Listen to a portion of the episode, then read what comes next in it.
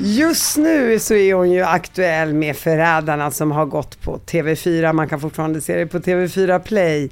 Men till vardags jobbar hon som skådespelerska och utbildar inom kroppsspråk. Välkommen hit Miridell. Man tackar, äntligen!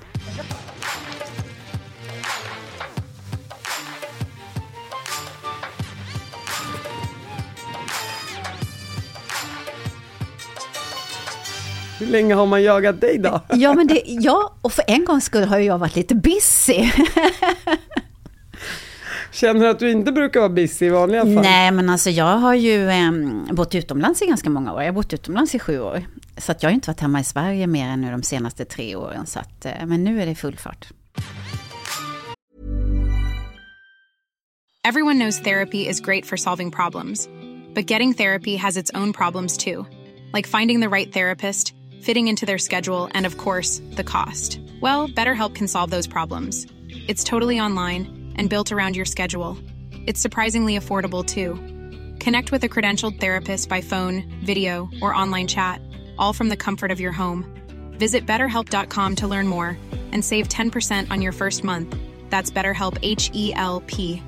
When you're ready to pop the question, the last thing you want to do is second guess the ring. At Bluenile.com, you can design a one of a kind ring with the ease and convenience of shopping online. Choose your diamond and setting. When you find the one, you'll get it delivered right to your door. Go to Bluenile.com and use promo code LISTEN to get $50 off your purchase of $500 or more. That's code LISTEN at Bluenile.com for $50 off your purchase.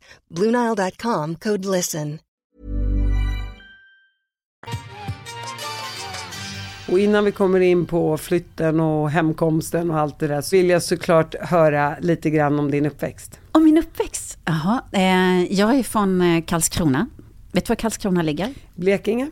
Ah, pluspoäng. Det, det, det, är inte många som, som eh, prickar rätt där. Men jag är från Karlskrona, eh, Hästö, en liten, det är inte en ö, det är ihopbyggt. Karlskrona är uppbyggt på öar. Eh, sladdbarn, eh, min bror och min syster var 9 och 11 när jag kom. Min mamma och pappa eh, har varit gifta hela livet. Eh, pappa lever och han och jag facetimar 8.50 varje morgon. Åh, oh, fantastiskt. Och, och sen så då facetimar vi så vi verkligen ser varandra och nästan alltid har han en kommentar om mitt hår. Men du är ju alltid fin i håret Nej, ju. så jag vad ful du är i håret idag. kan han säga. Eh, och ofta sitter jag för att jag eh, rullar upp mitt hår på sådana här skitstora rullar på morgonen. Det går jättefort, alla tror att jag håller på väldigt länge med mitt hår, men det gör jag inte. Och sen säger det var värst vad du var upprullad. Det säger han 99 gånger av 100. Och hur gammal är pappa? Han är snart 90. Wow. Mm. Och dina äldre syskon, har en bra relation till dem? Mm. Du är lite sladdis där. Ja, och alla bor i Karlskrona. Och hur var din uppväxt? Den var jättetrygg. Jag hade min mormor tvärs över gatan som passade mig eh, och som lärde mig eh, sjunga. Eh, och så det, har varit, det var ju min grund med sången och sen så blev det mer teater och sådär. Så att, eh, nej men sladdbarn, mycket uppmärksamhet. Eh, mina föräldrar var ju coola då, de hade ju haft två barn. Och jag menar, jag fick ju nästan fyra föräldrar. I och med att de var så stora när jag kom. Så... Det var lilla, lilla syrran ja, som man skulle klä precis. upp och ja, ja, med. exakt. Klä upp. För min syster tyckte att vi skulle ha likadana kläder. Och då kommer jag ihåg vi hade såna här lackstövlar. Har du haft lackstövlar någon gång? När man så, är ett år gammal jäkla tänker obekvämt. Vita lackstövlar hade vi och såna korta klänningar och så ska vi vara likadana. Jag hade ju inget hår. Va? Jag hade ju, det dröjde länge, väldigt länge innan, innan jag fick något hår. Så hon tog ju liksom tre, fyra hårstrån och gjorde världens största rosetter. Så att det var en sån här vandrande rosett-tjej som kom. Så här, inget hår, men rosetter. Och eh, skolan, kompisar? Eh, jättebra, eh, tryggt. Alltså vissa, vi hade klassreunion förra året och vissa utav dem har jag gått från sexårs, alltså leke som vi kallar det då, ända upp till gymnasiet. Wow. Att, det är ju en trygghet. Ja, verkligen. Men, men någonstans så tog du ju dig från, från Blekinge upp till Stockholm. Och mm. många stannar ju kvar i sin bubbla. Ja. Vad var det som fick dig att vilja se mer av världen? ja, det var ju väldigt tidigt att jag ville satsa på sången och musiken. Och jag gick ju direkt efter skolan gick jag till kommunala musikskolan, spelade cello, piano, gick i kören, orkestern allt, allt, allt. Så att det var liksom inte någon, jag ville egentligen flytta efter nian, men det fick jag inte. Utan mamma och pappa tyckte jag skulle gå gymnasiet. Vilket jag gjorde, men jag gick gymnasiets humanistiska linje och där kunde man göra tillval med kultur och teater. Men det var ju bara jag som valde det, så det blev inte någon grupp. Så att eh, då gick jag latinlinjen istället. Men eh, så, så fort jag hade sjungit klart studentsången, bara, tut, så sökte jag in på någonting som heter Nordiskt musikkonservatorium, eh, som ligger i Österskär, eller låg i Österskär utanför Stockholm. Och eh, gick, kom in där och flyttade till Stockholm direkt. Och när du kommer till Stockholm då, eh, söt blondin kan jag tänka mig att du fortfarande var. Eh, hur, hur, var det att bara åka helt ensam med en tågbiljett? Alltså när man, är, när man är 19 år, eller de flesta 19-åringar, nu generaliserar jag, men alltså jag var ju så här, jag var ju världsmästare tyckte jag. Nej men vadå, det var väl ingenting. Och jag sa till mamma, nu kommer jag aldrig mer att flytta hem. Och hon grät. Och jag, alltså jag fattar inte, vad, vad är grejen? Alltså nu börjar ju livet. Så då bodde jag i internat på skolan. Och sen så, um, ja nej men det var, nej alltså jag, jag nej men det var ingen, um, det var bara spännande. Alltså förstår du vad spännande att komma upp till Stockholm och gå på Café Opera? Med liksom med kompisarna och allt och se allting. Jag menar vi, det var ju en annan verklighet då.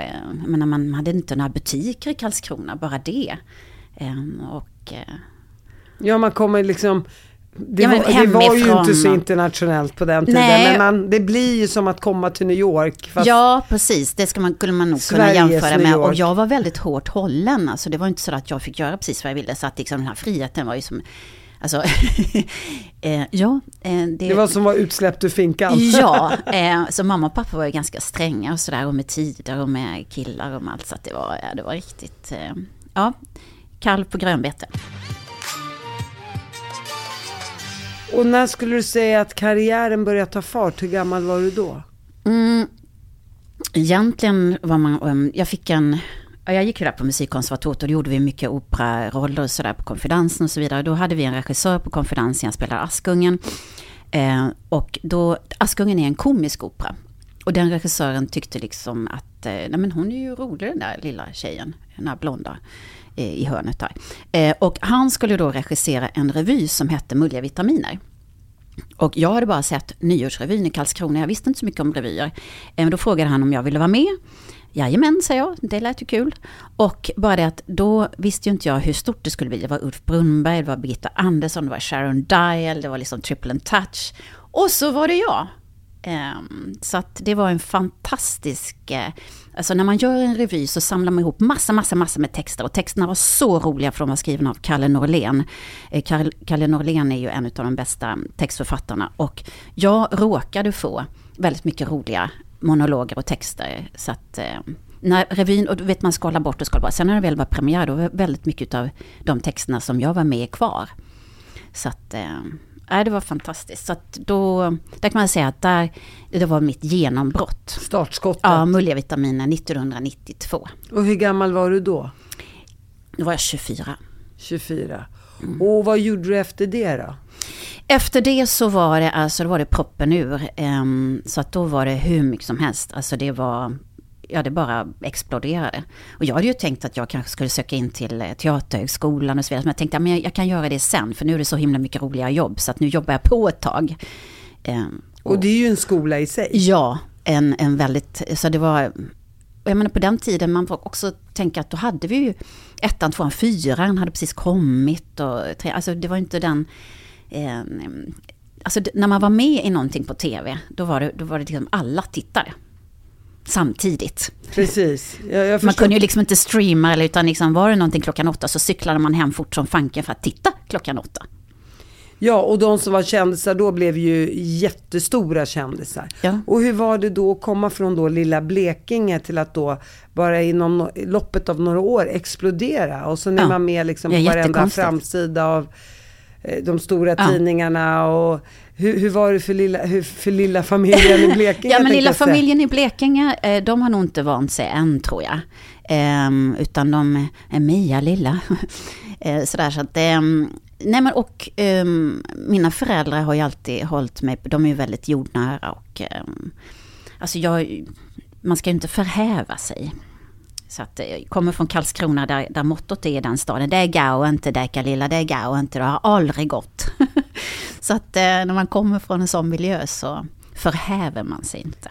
Ja, och det är, det, men det är också den där svenska jantelagen, ja. man ska inte tro att man är bättre och så.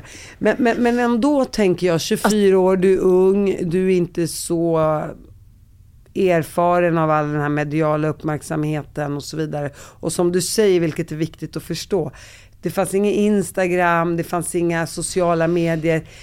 Idag kan ju vem som helst bli känd på sociala medier så att ja. säga. Idag är jättemånga Tänk om det kändisar. hade funnits då, jag menar då hade man ju haft sin YouTube-kanal, man hade haft sitt Instagram-konto. Framförallt så hade man ju haft alla inspelningar sparade. Nu har jag ju mina gamla grejer, alltså jag gjorde så enormt mycket på 90-talet. Eh, och det har jag på VHSer. Jag menar, de, jag tror vissa är helt blanka nu, men liksom... Kan du inte föra jo, över jag, dem? jag, det där tänker jag att jag ska göra en regn idag. det regnar idag. Ja, precis, jag vet, jag har inte tid. eh, jag förstår, men man är ju så här, mm. jag, jag, ska bara, eller det ja. kommer, eller in, innan det här året är slut, och så ja. har gått tio år. Eh, men jag tänker ändå, man är 24 år, eh, explosivartat, karriären bara går rakt upp till stjärnorna vem kan hejda dig? Blir man inte lite att... Och, och sen får man inte glömma att människorna runt omkring en som också liksom är med och, och mm. pressar upp en och får en att tro att man är oövervinnlig och mm. man är en stjärna och man är... Man, till slut blir man ju nästan lite omänsklig. Kunde, du, kunde, du, kunde du bli så? Nej, jag tycker Kan du nog, förstå vad jag... Ja, jag förstår exakt vad du menar. Um, jag har, och har fortfarande mina grundvänner liksom från skolan och från tiden innan dess då. Och eh, sen träffade jag min första man eh, i den vevan. Eh, och gifte mig första gången då 94 och var liksom väldigt uppslukad. Och han, han var också väldigt jordnära och tillsammans, alltså liksom, han höll mig också på jorden. Och liksom råd, man kunde rådfråga. Sen har jag alltid haft ynnesten att ha äldre kollegor, bland annat Grynet Molvig, som alltid har hållit mig på mattan och fortfarande gör. Älskar Grynet. Ja, jag älskar Grynet. Alltså hon är one of a kind. Hon är 80 år och nu liksom, nej men nu ska hon göra en roll på Stadsteatern. Hon ska nu ut på turné. Och, alltså hon är verkligen en förebild och en väldigt god väninna. Och en väninna som alltid under alla dessa år, vi träffades när vi gjorde Cluedo. Eh, som också var en sorts, eh, som Förrädarna. 1996. Jag träffade henne tidigt i karriären, vilket har varit en ynnest.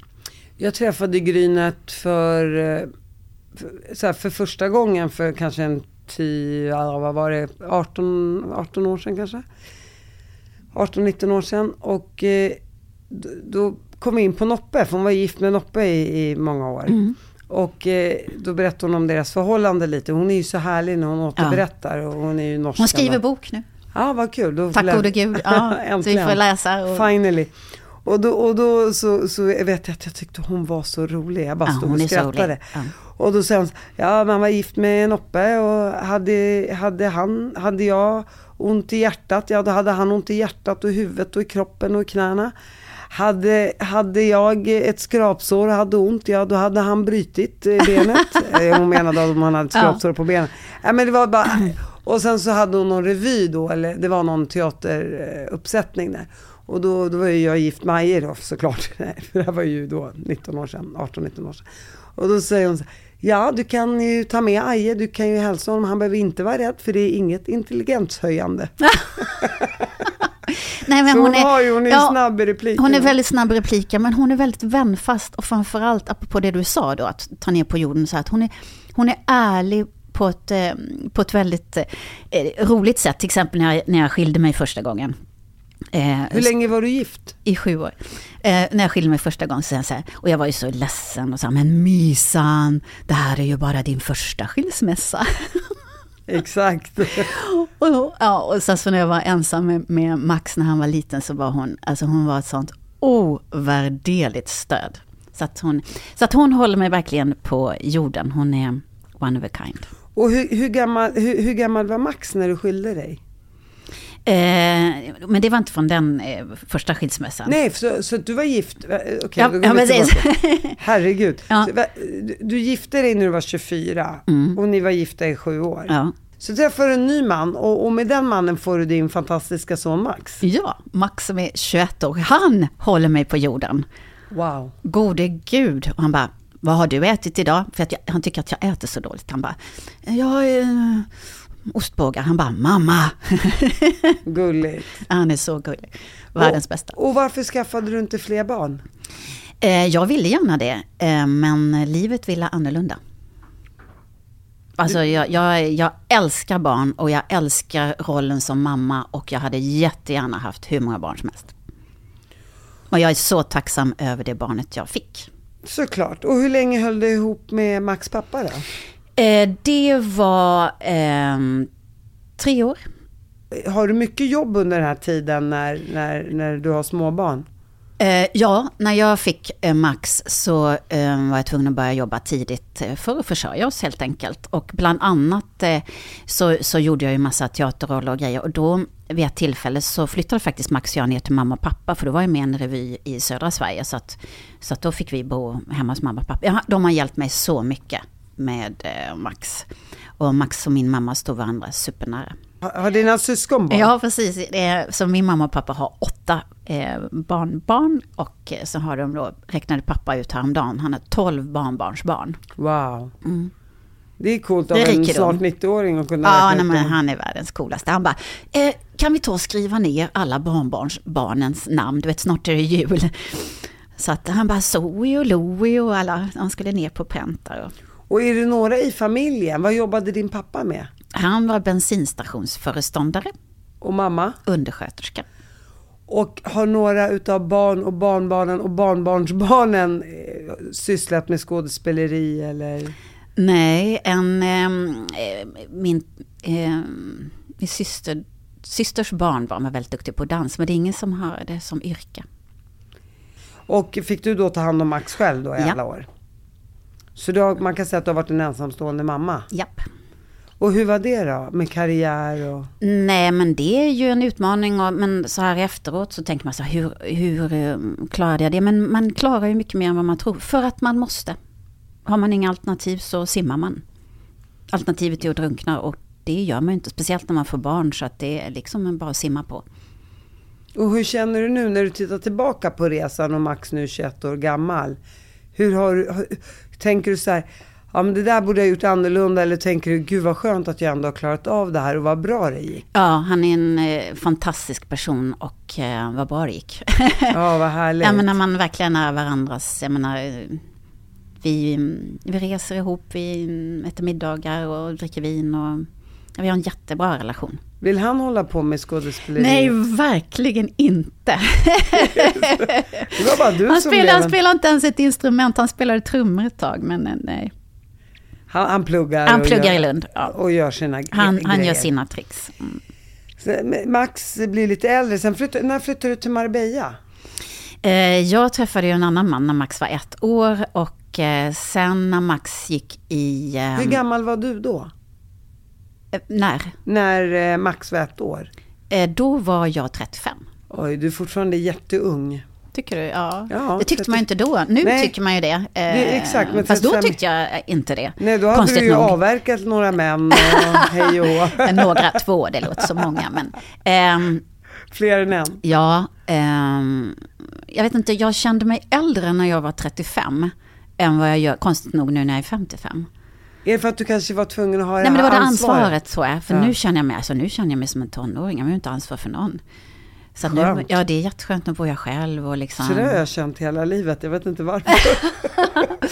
Eh, nej men... en ehm, skruv som inte riktigt ja. sitter Nej men det var 20, Max gick i, skulle börja femman, han var 11 eh, när vi flyttade in till Spanien. Eh, och vi skulle bara vara där tre månader. Var han 11 år när ni flyttade till Spanien? Ja, och vi skulle egentligen inte flytta, utan vi skulle bara vara där i tre månader. Det var inte, men sen när de här tre månaderna har gått så säger Max då att, så han hade lite problem med skolan och så säger Max så här, men nu förstår jag ju varför man går i skolan. Han gick på svenska skolan där nere i Marbella och de var världens bästa.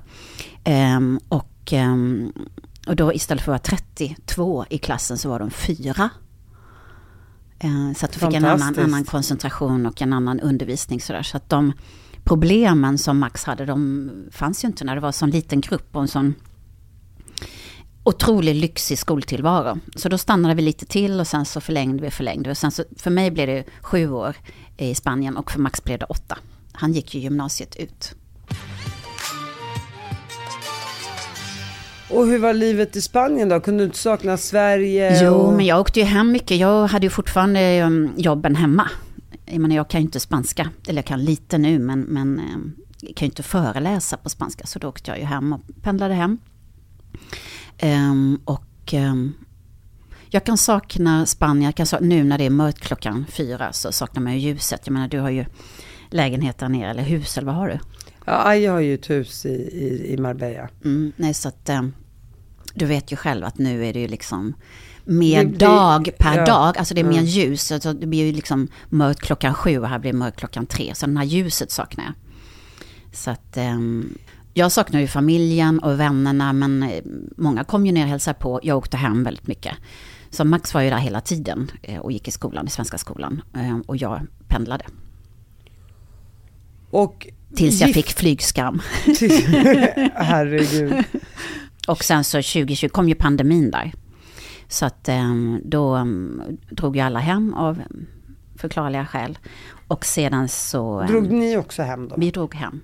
För det var ju öppet här i Sverige. Ja, och det var ju det som folk inte förstår, hur extremt stängt och hur extremt reglerat det var i Spanien när de står med liksom k-pistar i hörnen och har liksom eh, drönare och böter, 500 euro, när man gick ut. Nej men det är ju krig. Ja, så att det, var, det var faktiskt väldigt speciellt. Så att vi bilade igenom ett helt stängt Europa. Det fanns ju inte ens hotell att bo på nästan. Så att, Finns eh, inga bilar på vägarna. Nej, det var, det var helt surrealistiskt. Det enda man mötte var en och annan lastbil. Då tänkte man, herregud om det händer någonting här, om vi får bensinstopp eller något. ja, Det var, Men var bensinmackarna stängt? ja, de var öppna. Men eh, man kunde inte gå på toaletten eller, eller köpa någonting utan det var bara en liten, liten lucka där det satt en människa i full skyddsmundering och med glasrutor. Och, så man bara fick sticka in eh, pengar och handla. Och, nej men det var eh, helt surrealistiskt. Men sen när man kom till Sverige så var det ju som, nej men alltså va? Här fick man ju både gå ut och, och inga böter. Och, det, var, det var väldigt annorlunda upplevelse. He- helt plötsligt så kändes ju inte Sverige som ett fängelse. Nej, ehm, och, och det här med att vara instängd eh, i sin lägenhet, eh, det var ingen rolig upplevelse. Nej, jag hade gått bananas och blivit Ja, det- deprimerad efter en timme. Ja, ja. Eh, nej så att eh, vi klarade väl, eh, vi klarade väl, hur länge var vi instängda? Det var väl två veckor. Sen när Macron sa att han skulle stänga gränsen där så var jag vaken hela natten, packade bilen, sen väckte jag eh, min dåvarande sambo och Max och sa nu åker vi. Och det här var 2020. Ja. Vilken månad? Vi åkte i mars. Okej, Så ja, men det var ändå väldigt tidigt, ja, där Ja, men man corona. förstod vart det barkar hem. Ja. Så att, ehm, Det där tänker jag på med människor som flyr från krig. mm, Att vissa känner det så starkt att, att vi måste dra härifrån, det kommer bli värre. mm, Medan de flesta tänker ju, nej jag kan inte lämna mitt hem. mm. Eh, och, Min och, son ville inte. Eh, alltså han var väldigt, jag, jag fick ägna väldigt lång tid åt att över, vi kom iväg sent bara för att jag var tvungen att övertala honom och övertyga honom. Även min sambo lite grann faktiskt. Så att, eh, och sen packade jag ner allt, eh, alla liksom, allt vatten, toalettpapper, allt som man kan äta som inte mm, behövde kylskåp. Eh, så att, Ja, och det är det jag menar, att Mm. vissa förstår det där och har, en överle- har ett Mm. överlevnadstänk och bara drar. Medan många stannar kvar och tänker, nej men det kan ju inte bli värre än så här och det kan inte bli värre än så här. Och till slut så kanske man Mm. ja. hela, ja du vet, det bombas sönder och så vidare. Du ska, men- kanske dåliga jämförelser. Ja. Men känslan av att vi måste dra nu, Mm. alla har inte den insikten. Nej. Och du hade det tänker jag. Ja, nu har ju inte jag varit med om krig, men jag hade ändå den instinkten där. Alltså, eh, när man inte har varit med om hur det var i Spanien då, så kan man kanske skratta lite åt det här. Eh, för man har ingen aning om hur det var. Men, men Nej, de men jag- som var där nere då, eh, alltså vi var verkligen inlåsta. Och i rondellen precis utanför vår bostad så, så var det de här mm, Guardia Civil. Eh, men eh, Men varför gör många, jag... många, Ja. många var väldigt arga på mig, eh, mina väninnor så här, som tyckte att, de, eh, att jag var galen. Som ville åka och, och åka igenom Europa och sen komma hem med smitta Gatan. Och, men vi isolerade oss ju det första vi gjorde när vi kom hem. Värst, värst var det att åka genom Danmark faktiskt. Eh, och ehm, för vi, ehm, när vi åkte genom Danmark så, så där var de tuffast faktiskt. Ehm, Vad sa de då? Nej, men när man kom in i en, en bensinstation, alltså det var som om vi hade Rabies? pesten. Ja. Ja. Alltså hur de betedde sig där, det var som en skandalisk sketch Nej, faktiskt. ja, nej, men jag vet. Folk blev ju rabiata. Ja. Varför jag Och gjorde... rädda människor blir arga människor. Ja, exakt. Men, men känslan av att nu måste vi dra. Exakt. Vi pratar om känslan. Och det var, Och den är panik. ja, och, men, den, men jag blir väldigt rationell. Eh, alltså jag blir väldigt så här, rationell, okej, vatten, toalett och, och kex och, och sen så, eh, och, och både min son och min dåvarande partner bara, men gud vad ska du med all kexchoklad till? Och man, sen var de ju så tacksamma att jag hade kexchoklad. och så vidare, eftersom det inte gick att köpa någonting. Så vi liksom tuggade på på chips och kexchoklad och knäckebröd med kaviar på liksom. Inga genom- ostbågar. Nej, det är Tyvärr, tyvärr, ost, inga ostbågar, jag som älskar ostbågar. Och sen genom hela Europa, så man var väldigt, väldigt glad när man kom till Danmark och skulle få köpa dansk korv, vilket var ett spektakel i sig. Att försöka förhandla den där danska varma korven. Trots att du kom in där med rabies. Ja, precis.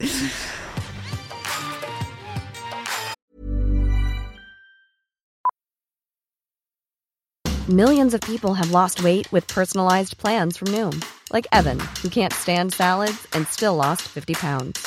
Salads, generally, for most people, are the easy button, right? For me, that wasn't an option. I never really was a salad guy. That's just not who I am. But Noom worked for me. Get your personalized plan today at Noom.com. Real Noom user compensated to provide their story. In four weeks, the typical Noom user can expect to lose one to two pounds per week. Individual results may vary.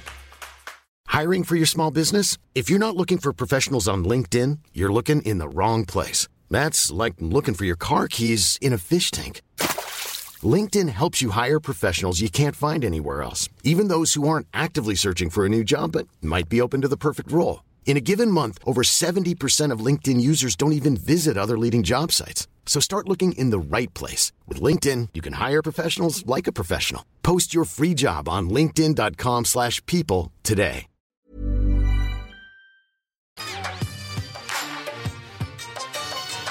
Och sen kommer du i alla fall, då är ni här 2020, sen dess har du bott i Sverige. Ja. Och du har inga planer på att flytta tillbaka till Spanien? Nej, Home sweet home. verkligen. Man kan säga mycket om Sverige, men det är mycket som är bra i Sverige. Älskar Sverige. Eh, och, och sen är det ju slut med din eh, Mm, jag lämnade honom hösten 20. 20. Men Max åkte tillbaka för, eh, då 20 och gick sista året gymnasiet i Spanien. Ja, Själv. öppnade de upp då i Spanien? Och, och då, vad sa Grynet då? 50 gången gilt?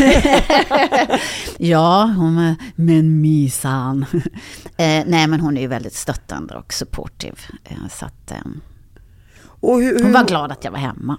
Ja, det förstår jag. Mm. Och, och hur mår du? För nu är du ju singel. Ja, det har jag varit i tre år nu. En snygg singel. Varför tackar, träffar tackar. du ingen?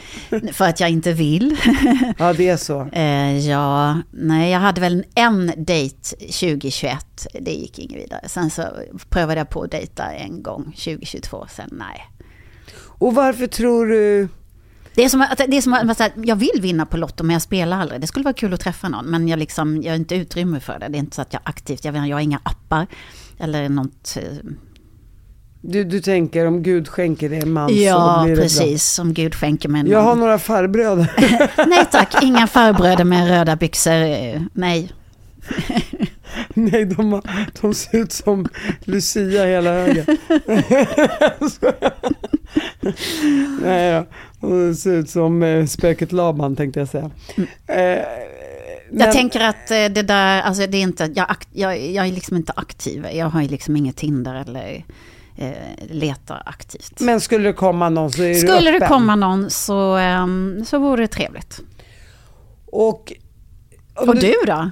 Ja, vi ska prata om mig också. Jag tänkte vi kanske ska gå du- in i någon sån du här app Tinder? du och jag. Ja, men har nej, du- nej. Nej. Jag skulle inte, alltså herregud. Alltså, jag vet inte om det har med våra uppväxter att göra, just det där lite stränga. Mm. Eller om det är en generationsgrej.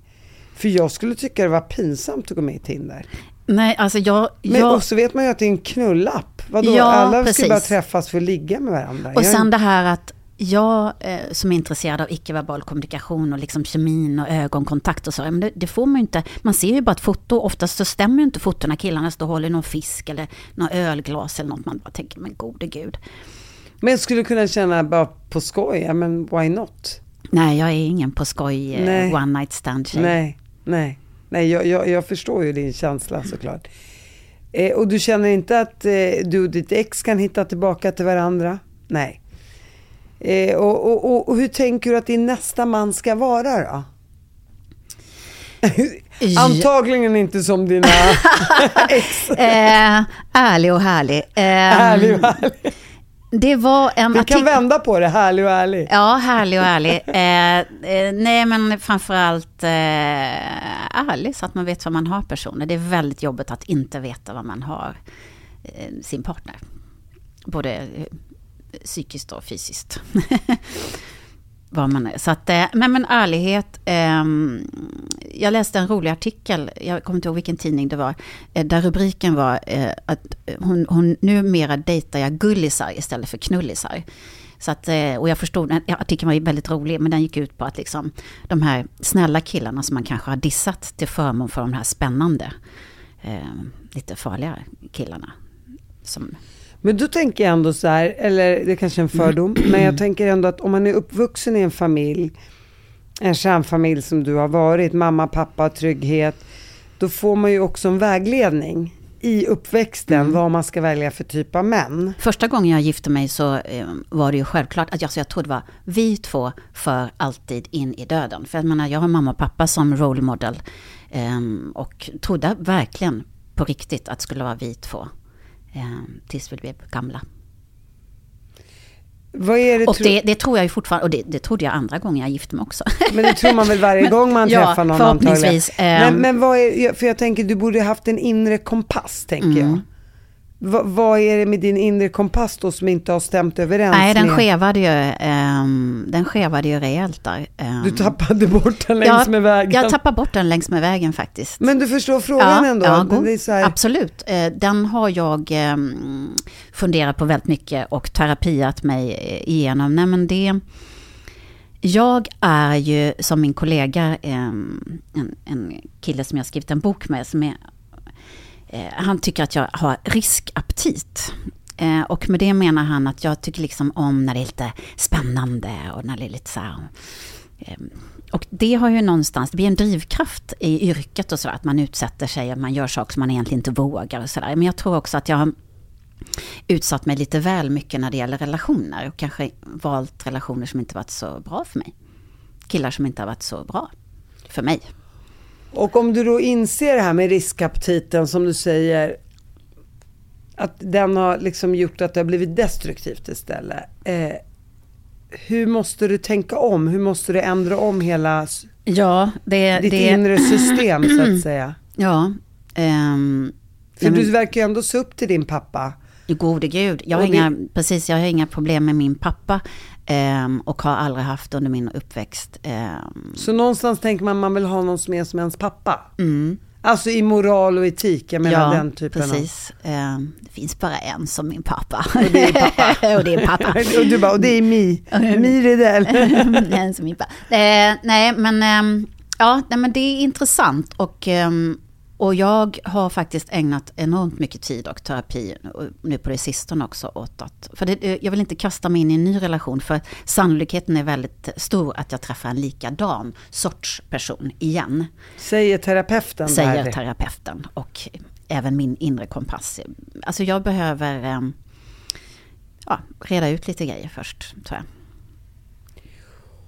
Eh, jag förstår. Innan man kastar sig in i något nytt.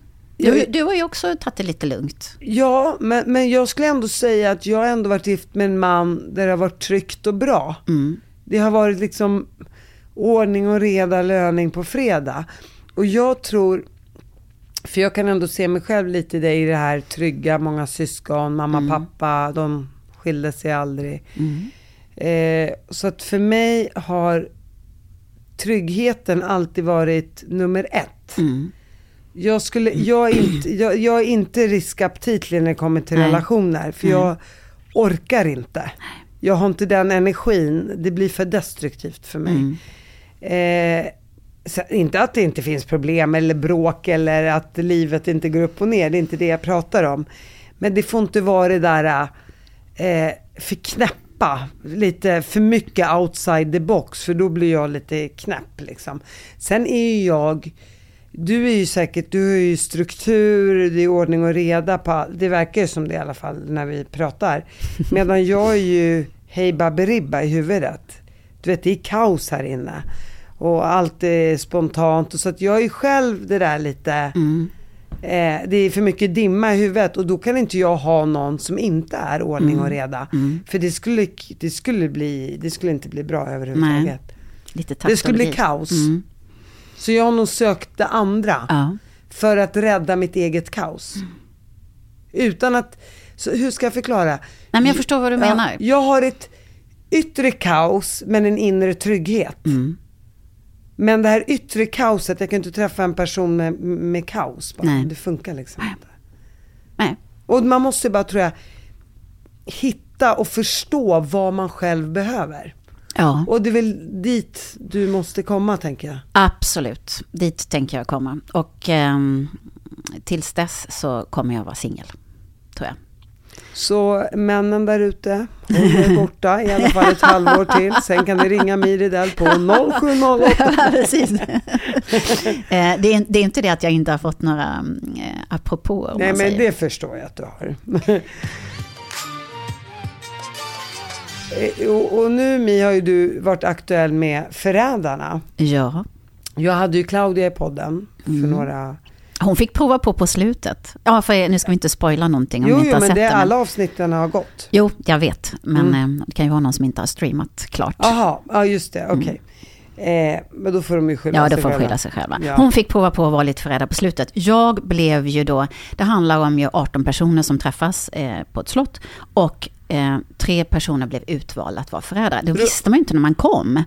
Ni sitter runt ett bord. Ja, och så får man en liten knapp, klapp på axeln. Alltså jag trodde aldrig att produktionen skulle välja mig som förrädare så att jag höll fanken på att skratta ihjäl mig. Alltså jag tyckte det var så kul. Och jag tror att inställningen hos oss 18 nu när jag tittar på programmet. Alltså jag var den enda som skrattade så att de trodde att vi skulle leka och ha kul. De andra tog det så jävla allvarligt. Ehm, och jag såg det mer som en lek och en liksom ja, liksom att man kunde garva. Sen blev det inte så roligt faktiskt. I början så var det ju liksom lättsamt och kul, men sen blev det ju väldigt allvarligt. Um, och de försatte oss i en bubbla. Jag vet, det, det berättade säkert Claudia, men liksom att de, vi fick ju gå med ögonbindlar nästan hela dagen och vi fick inte prata med varandra när inte kameran var på. Vi fick sitta med två meters avstånd med en i produktionen som var som en vakt som gjorde att vi inte kunde prata med om spelet med varandra och så vidare. Och så vidare. Och eh, Men vad då fick ni gå med ögonbindlar? vi fick gå med ögonbindlar På ganska... dagarna? Ja, för att em, i och med att man inte skulle se vad som hände, och speciellt på morgnarna när vi kom in, att man inte skulle se vilka som hade blivit mördade och så vidare. Eh, så att det var väldigt mycket att gå omkring, eh, konstigt nog, med ögonbindlar och eh, vara inlåsta på rum. Vi, vi blev ju alltså inlåsta på våra rum och vi som var förrädare, när vi gick ut så spelade de ju väldigt hög musik i korridorerna så att man inte skulle höra vilka dörrar som slog igen och sådär. Och det är ju många som har sagt eh, i olika forum när de har berättat om hur det var att vara med och sådär. Men vi som var förrädare, vad som inte har blivit sagt, som jag tänkte på nu när vi pratar om förrädaren, det är att när jag gick ut så var det en i produktionen som gick in i mitt rum och spolade toaletten, tittade på tv och så vidare så att det skulle verka som om jag var på mitt rum. Och sen gjorde hon en liten loggbok att klockan åtta var det det och det programmet på tv så att man skulle kunna säga det om någon frågade.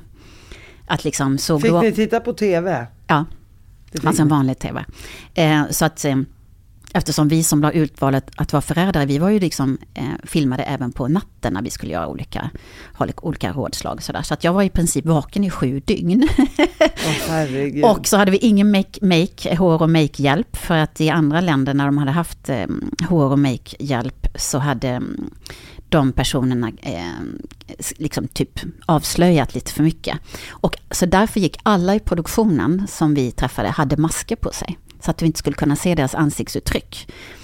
Eh, Så att allting var väldigt, väldigt konstigt runt omkring. Eh, Och gjorde att vi försattes i en bubbla. Och Och som du vet, du har ju varit med i olika tv-program, väldigt mycket är bortklippt. Jag menar en dag så grinade jag hela dagen för att då hade vi, vi fick ju inte ha våra mobiltelefoner eh, och inte ha klocka.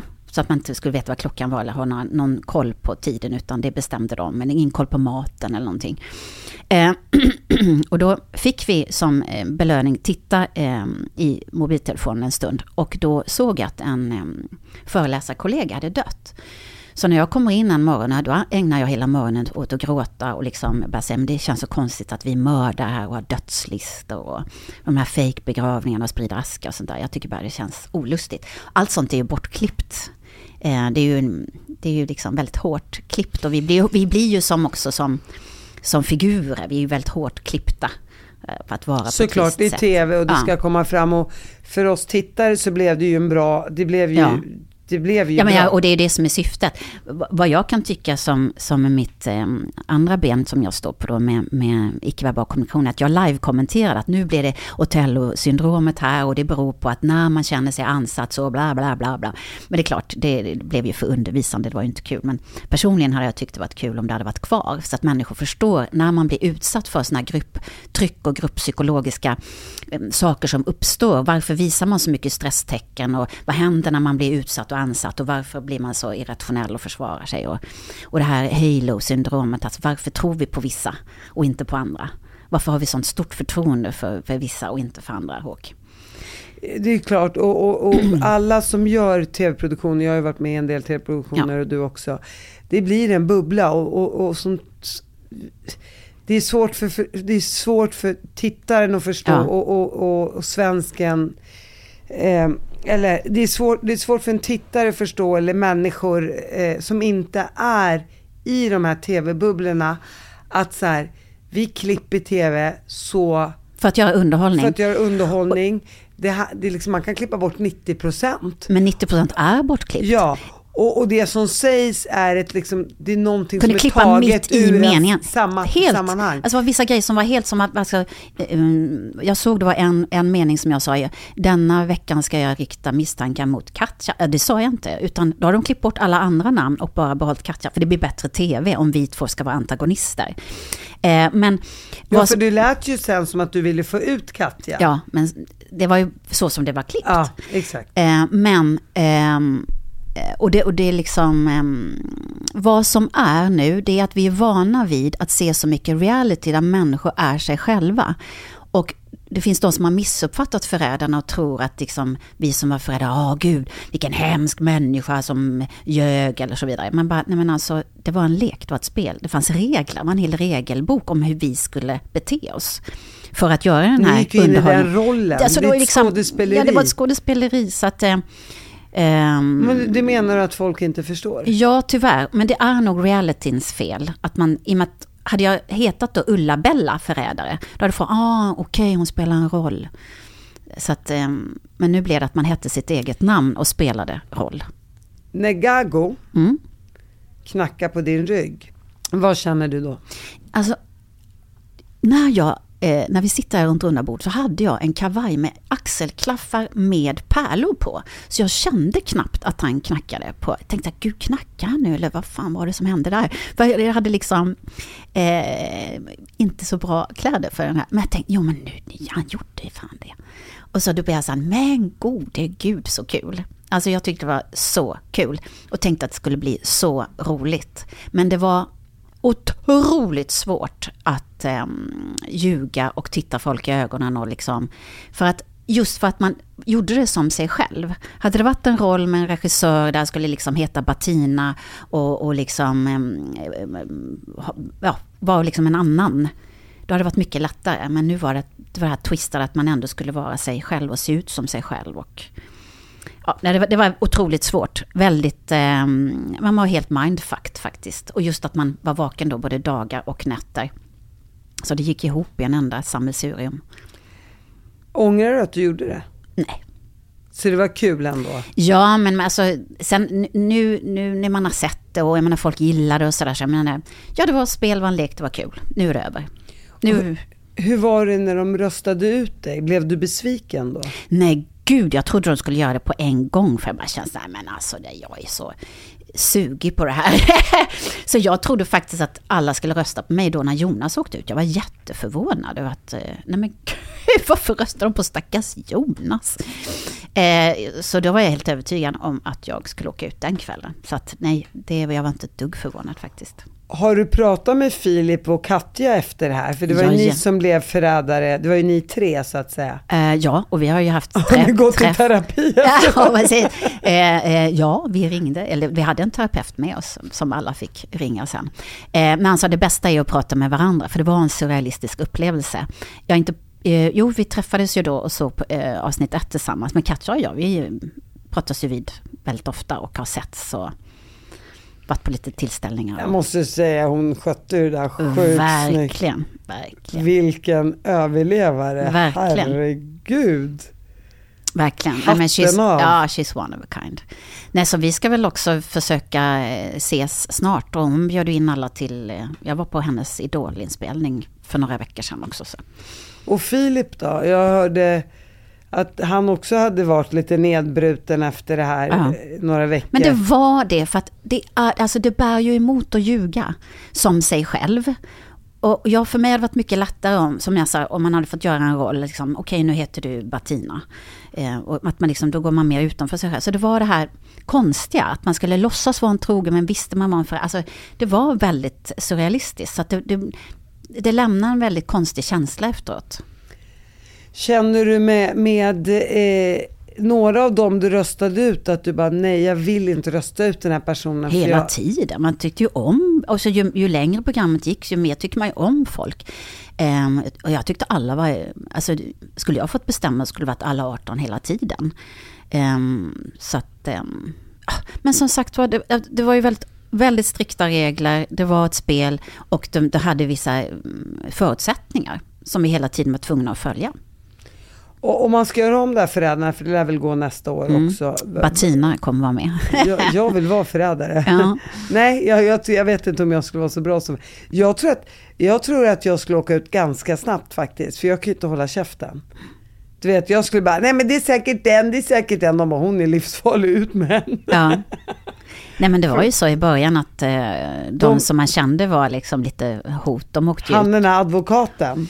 Han åkte ut ganska tidigt, eh, eh, Dominika åkte ut ganska tidigt. Ja, för hon också Maxida. Märak åkte ut väldigt tidigt. Eh, och, eh, väl, och först så eh, var det ju mediumet som väldigt många trodde på, så vi bara, nej, ut med honom.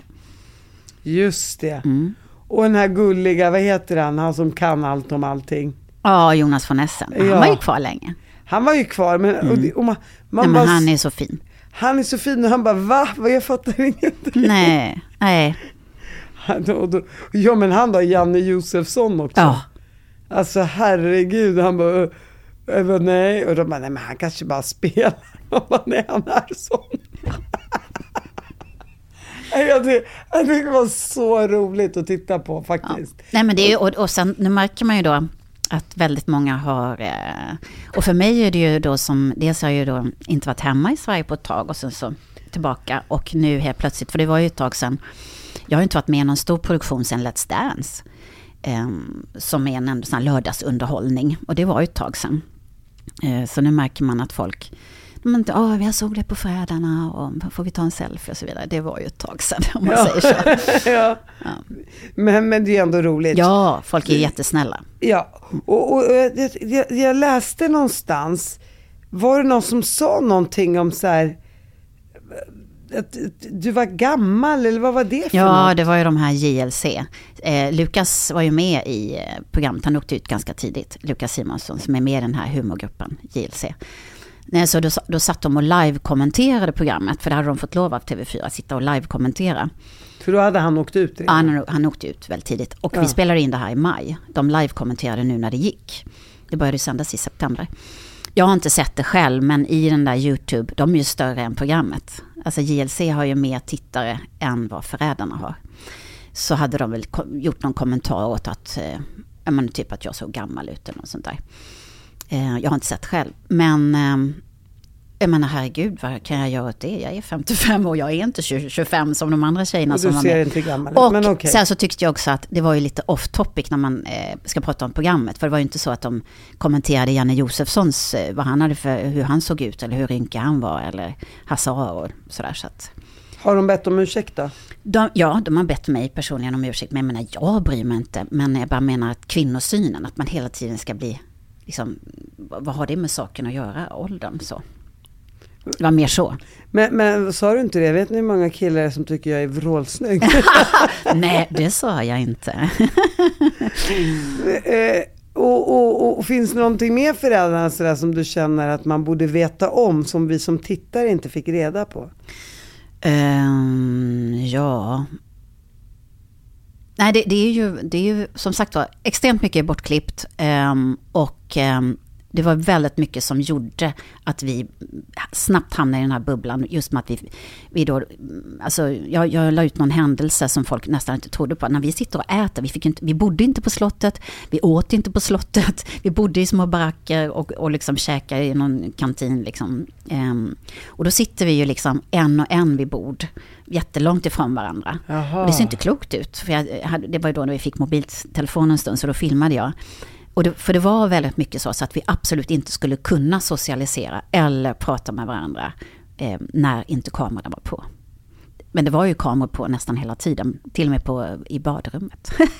så man inte skulle kunna gå undan där och prata bara, hemlisar. men vänta, jag sitter här och bajsar. Ja, precis. Jag skojar. Snälla. Ja. Men, men okej, så man, man kände sig övervakad hela tiden. ja, och det var ju meningen. Ja, och, och, och sen är det också så här, vad vi, så här det- Fönsterna var igensatta på hotellrummet till exempel. Det var ju papp för att man inte skulle kunna titta ut. Och se då när någon förrädare, alltså typ vi då, när vi var ute om nätterna så att man skulle se. Jag var Det- väldigt, väldigt noga med att inte ha samma skor till exempel, för de syntes ju under den här svarta kåpan och sådär, så att man skulle kunna, nej men är det inte misdojor eller något sånt där? Ja, vad man som tittare måste förstå också, det är så att när vi går in i våra produktioner och så ser man lite sur ut, lite arg ut eller eh, jag har ju också fått höra det där, men gud hon, hon verkar bara vara sur hela tiden. Man bara, nej de har klippt mig sur. Ja. Men okej, skitsamma. Det är också ett pris vi får betala för att vi sticker ut hakan. Ja. Vi också ibland, när vi går in, eller jag kan inte ta, bara, jag pratar för mig själv nu. Mm. Men när jag går in i en produktion, alltså det, det låter så realistiskt när jag säger det här. Men när jag går in i en produktion, då blir det min verklighet. Let's Dance blir min Mm. Ja, verklighet. men gud, jag var ju också med där, det var ju verkligen, snacka men- om bubbla. Snack, men jag tror inte folk fattar det här. Nej.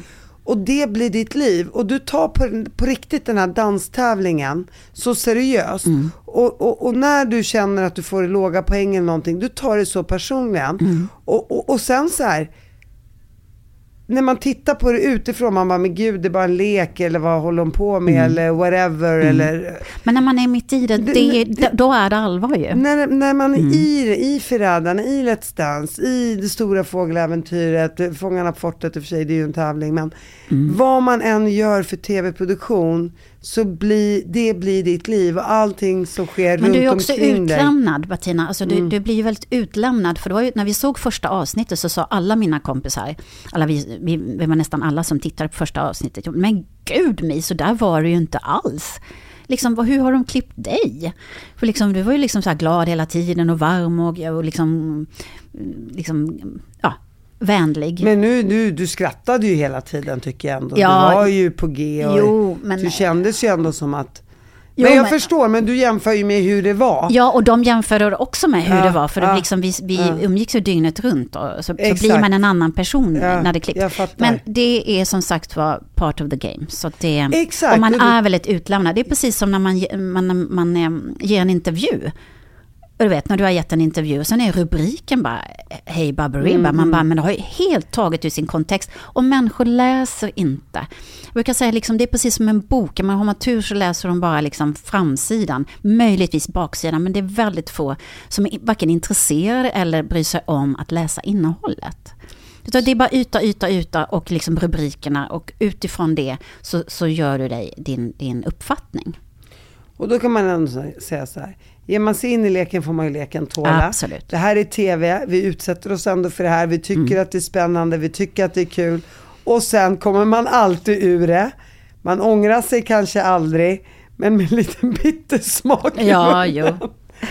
Och så, och så utsätter man sig för vad människor runt omkring en ska, ska tycka och tänka. Men that's the part of the game. Mm. Ja, precis. Eller hur? Ja, och det blev ju väldigt underhållande som sagt. Mi, nu är ju du aktuell med din nya bok. Ja, den kommer när som helst. Berätta här. lite om den. Eh, Det är en bok om kroppsspråk som heter Se vad som sägs, konsten att tyda kroppsspråk. Den kommer nu innan jul eh, och eh, det är en fortsättning på, jag och en svensk undercoverpolis skrev ju en bok 2016 som heter Kroppen ljuger aldrig, konsten att tala kroppsspråk. Så nu kommer det ut en ny med färska exempel och eh, det står faktiskt lite om förrädarna också. Ja, vad roligt. Mm, vad som uppstod. Så då får jag tala till punkt och bestämma själv vad som står. det, det går inte att klippa. Nej, precis. Jag bara tänker det här med kroppsspråk. Mm. Eh, jag tänker så här, vi araber har ju ett helt annat kroppsspråk än vad Mm. svenskar har. Pratar mycket och fladdrar och gapar och skriker. Så att, och, och det vet jag, det har jag fått höra hela mitt liv, liksom, även i Sverige. Ja, om du kanske ska räkna till tio först Patina, eller så här. Du behöver inte bli så arg. Jag bara, jag är inte arg, jag bara diskuterar. Det är så här jag är. Eh, så att det där är ju också kulturellt. Absolut, så att, och det är det som är så spännande. Att vissa gester och vissa eh, är universella, ansiktsuttryck och så vidare som vi förstår över hela eh, världen. Och sen är det kulturellt. Och, det, och idag är det ännu viktigare, för det är så som det kan ske missförstånd. Och det är så som, liksom, okej, men så gör man i arabvärlden och den här gesten betyder noll eh, eller okej, men i arabvärlden kan det betyda rumphål. Alltså, Ja, eller vänta jag ska slå dig. Ja, så att, och, och jag menar eh, med fingergester och så Ja, vidare. Jag ja. menar tummen upp kan betyda att någonting är okej, men det kan också betyda att tummen upp är... Ja, så att, eh, och där behöver vi vara eh, mer lyhörda och lära oss även det icke-verbala språket eftersom vi möter människor från andra kulturer där vi kan då, om vi vill skapa goda relationer, där vi behöver även lära oss det språket. Ja, det räcker ju med liksom, i vissa pussar man tio gånger på kinden. I- Här kanske man inte rör varandra. Alltså, Och så kommer ifrån- pandemin och sen så ska vi liksom förhålla oss också till, eh, för kroppsspråket ändrades ju där. Så det tycker jag, det tar jag upp nu i nya boken, hur vi förändrade. Och, och jag menar vissa som jag undervisar, med, vissa med sjukhus och så vidare, de har ju inte återgått till att ta i hand. Eh, och de säger, nej det kommer vi aldrig återgå till, det sättet att hälsa. Och så vidare. Så Man att, bara, eh, jo, om alla tvättar händerna och spritar så Ja. har man rena händer. Precis. Men det är därför det är ännu viktigare med det varma ögonkastet och så vidare. För att vi människor, varför jag tycker att det är så viktigt att eh, liksom, föreläsa om det här och utbilda det här, det är att utbilda om det här, det är ju att vi har blivit så mycket sämre på att läsa av varandra. Vi har blivit otroligt mycket sämre på att titta varandra i ögonen och ge varandra respekt. Att vi återtittar, att vi liksom bokstavligen och bildligt ser varandra. Men det kan jag ju se en stor skillnad på de som har vuxit upp med invandrare och de som inte har vuxit upp med invandrare. Men alla som växte upp med mig, mina svenska kompisar som kom hem till mig och såg först en galen arabisk pappa som satt där till att bara så här, ja men det är så han är, det är ingen fara liksom. De har ju kanske på något sätt fått med sig den typen av erfarenhetsryggsäck Ja. genom livet. Ja. Att det där betyder ingenting. Nej. Det där är inte argt eller galet, det är bara en kultur. Kulturellt. Mm. Och det är jätteviktigt. Ja. För att vi ska liksom, eh, ha förståelse för varandra. Är liksom inte bara vad vi säger utan även hur vi säger det. Tack för att du kom hit. Tack snälla för att jag fick komma. Tack.